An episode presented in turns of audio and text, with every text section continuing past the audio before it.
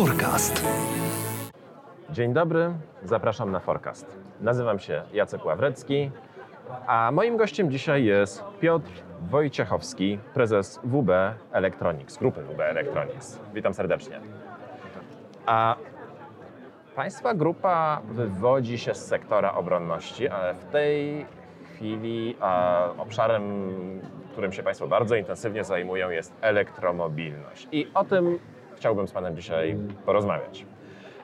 Kiedy będziemy jeździć samochodami elektrycznymi?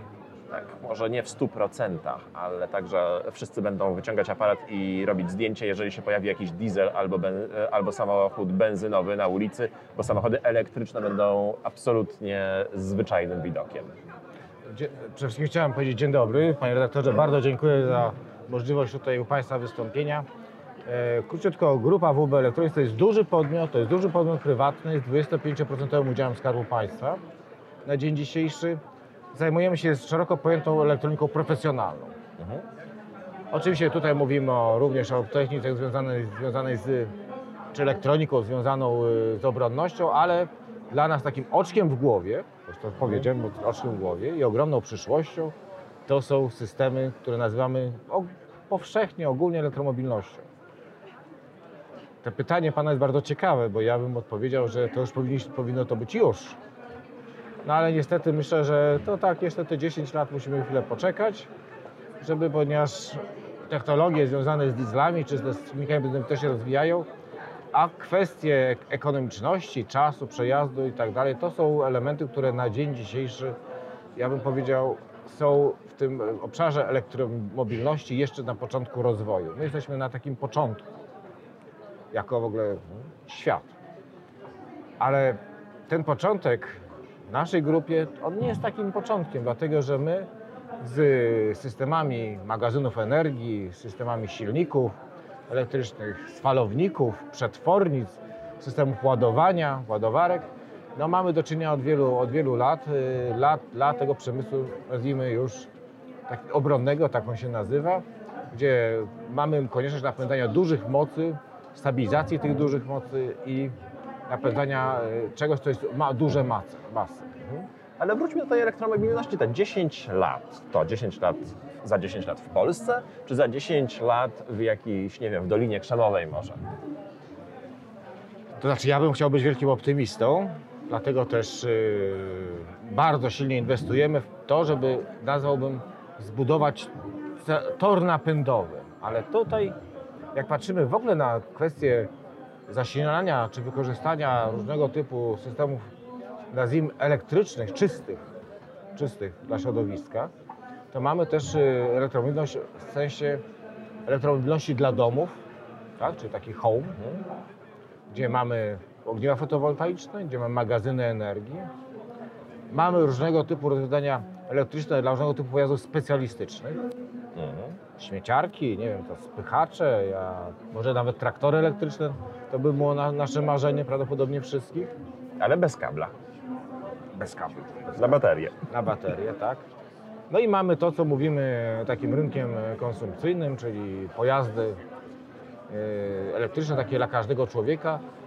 I one już są. Przecież pan, pan, Już są, ale są drogie. Oj, tak, drogie, drogie, proszę pana, bo to jest kwestia tego, jak to liczyć, nie? Jeżeli musimy, musimy, jeżeli patrzymy na pojazd elektryczny, to musimy patrzeć na takim y, długoterminowej korzyści, jaką odnosi użytkownik. Okej, użytkowanie jest tanie, ale jeżeli na początek trzeba wyłożyć znacznie więcej niż za samochód benzynowy czy diesla podobnej klasy, no to jednak jest to pewna a, zapora, szczególnie w Polsce, gdzie cena się liczy.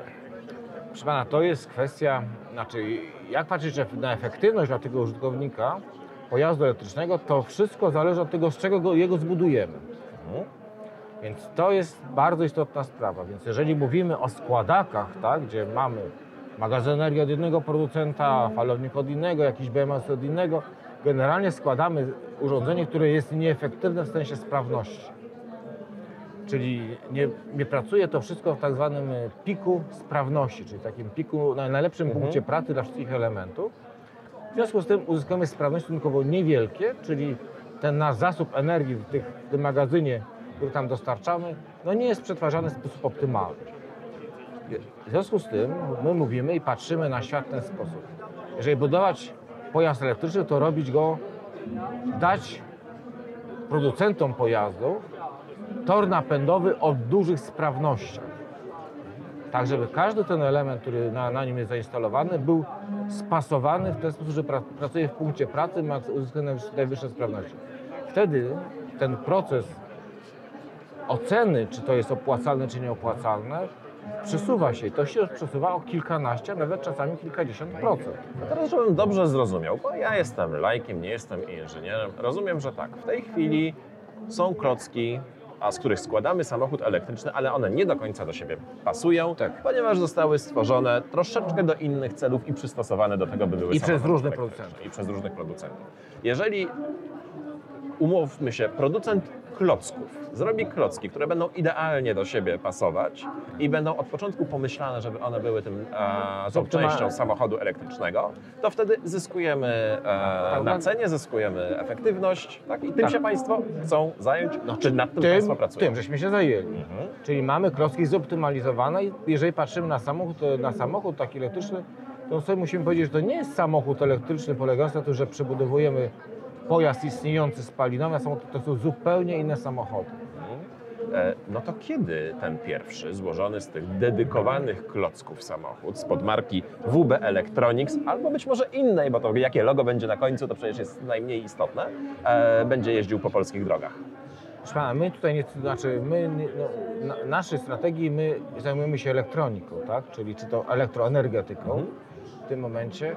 Także my raczej y, nie będziemy dążyć do tego, żeby to był pojazd marki WB, Mhm. czy grupy WB, tylko żebyśmy my dali producentom głównie pojazdów specjalistycznych taki zestaw klocków, które on będzie mógł łatwo zabudować na tym pojeździe i zbudować z tego pojazd, który jest optymalny pod względem energetycznym.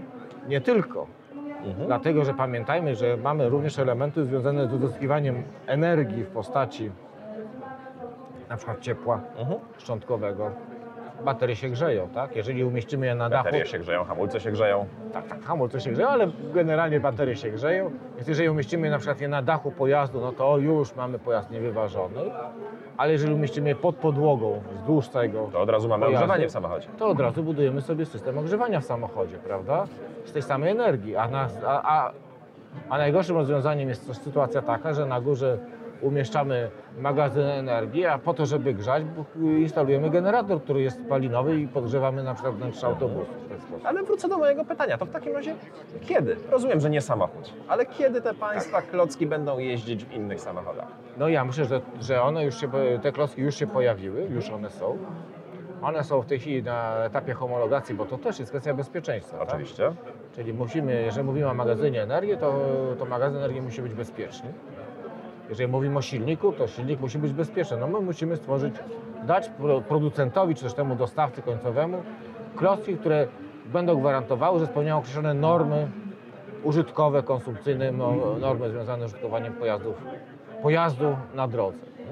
I to ten proces homologacji potrwa. No niestety tak to już jest, że te procesy badawcze to one są dosyć trudne. Także ja myślę, że gdzieś na koniec roku, tak, czy, po, czy na początku przyszłego roku cały zestaw modułów będzie od nas dostępny. Czyli już mówimy o perspektywie miesięcy, a nie lat. No, już te lata minęły. A czy pracują Państwo też nad klockami, z których będzie można złożyć samolot elektryczny? Proszę pana, jest, są takie teorie, bym powiedział, budowania samochodów, samolotów elektrycznych. Mm, Tutaj jest niestety nieopłacalność polegająca na stosunku wagi do za- wagi tego źródła energii w stosunku do, do efektywności. Czyli na, na, na dzień dzisiejszy w dalszym ciągu Mhm. najbardziej efektywnym e, magazynem energii jest paliwo. Czyli gęstość Mhm. energii w paliwie jest najbardziej efektywna. Oczywiście, bym powiedział, patrzymy na samoloty, ponieważ my konstruując systemy załogowe, to one wszystkie są napędzane silnikami elektrycznymi, ale w większości przypadków są to hybrydy. Mhm. Czyli mamy jako zasób energii, prawda, mamy paliwo, które przetwarza to poprzez generator prąd elektryczny, a ten prąd elektryczny nam stóruje silnikiem. Z tego są duże korzyści. Dlatego, że samolot elektryczny z napędem elektrycznym, on na przykład możemy sobie powiedzieć, wyłączy silnik w czasie lotu, Mhm. czyli zużywa mniej energii, tak?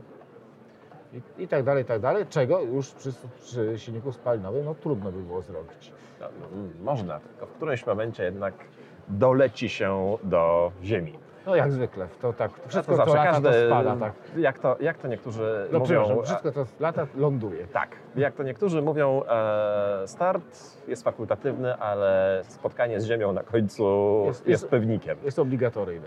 Dziękuję pięknie za bardzo ciekawą rozmowę. Moim gościem był Piotr Wojciechowski, prezes grupy WB Electronics. Dziękuję bardzo. Forecast.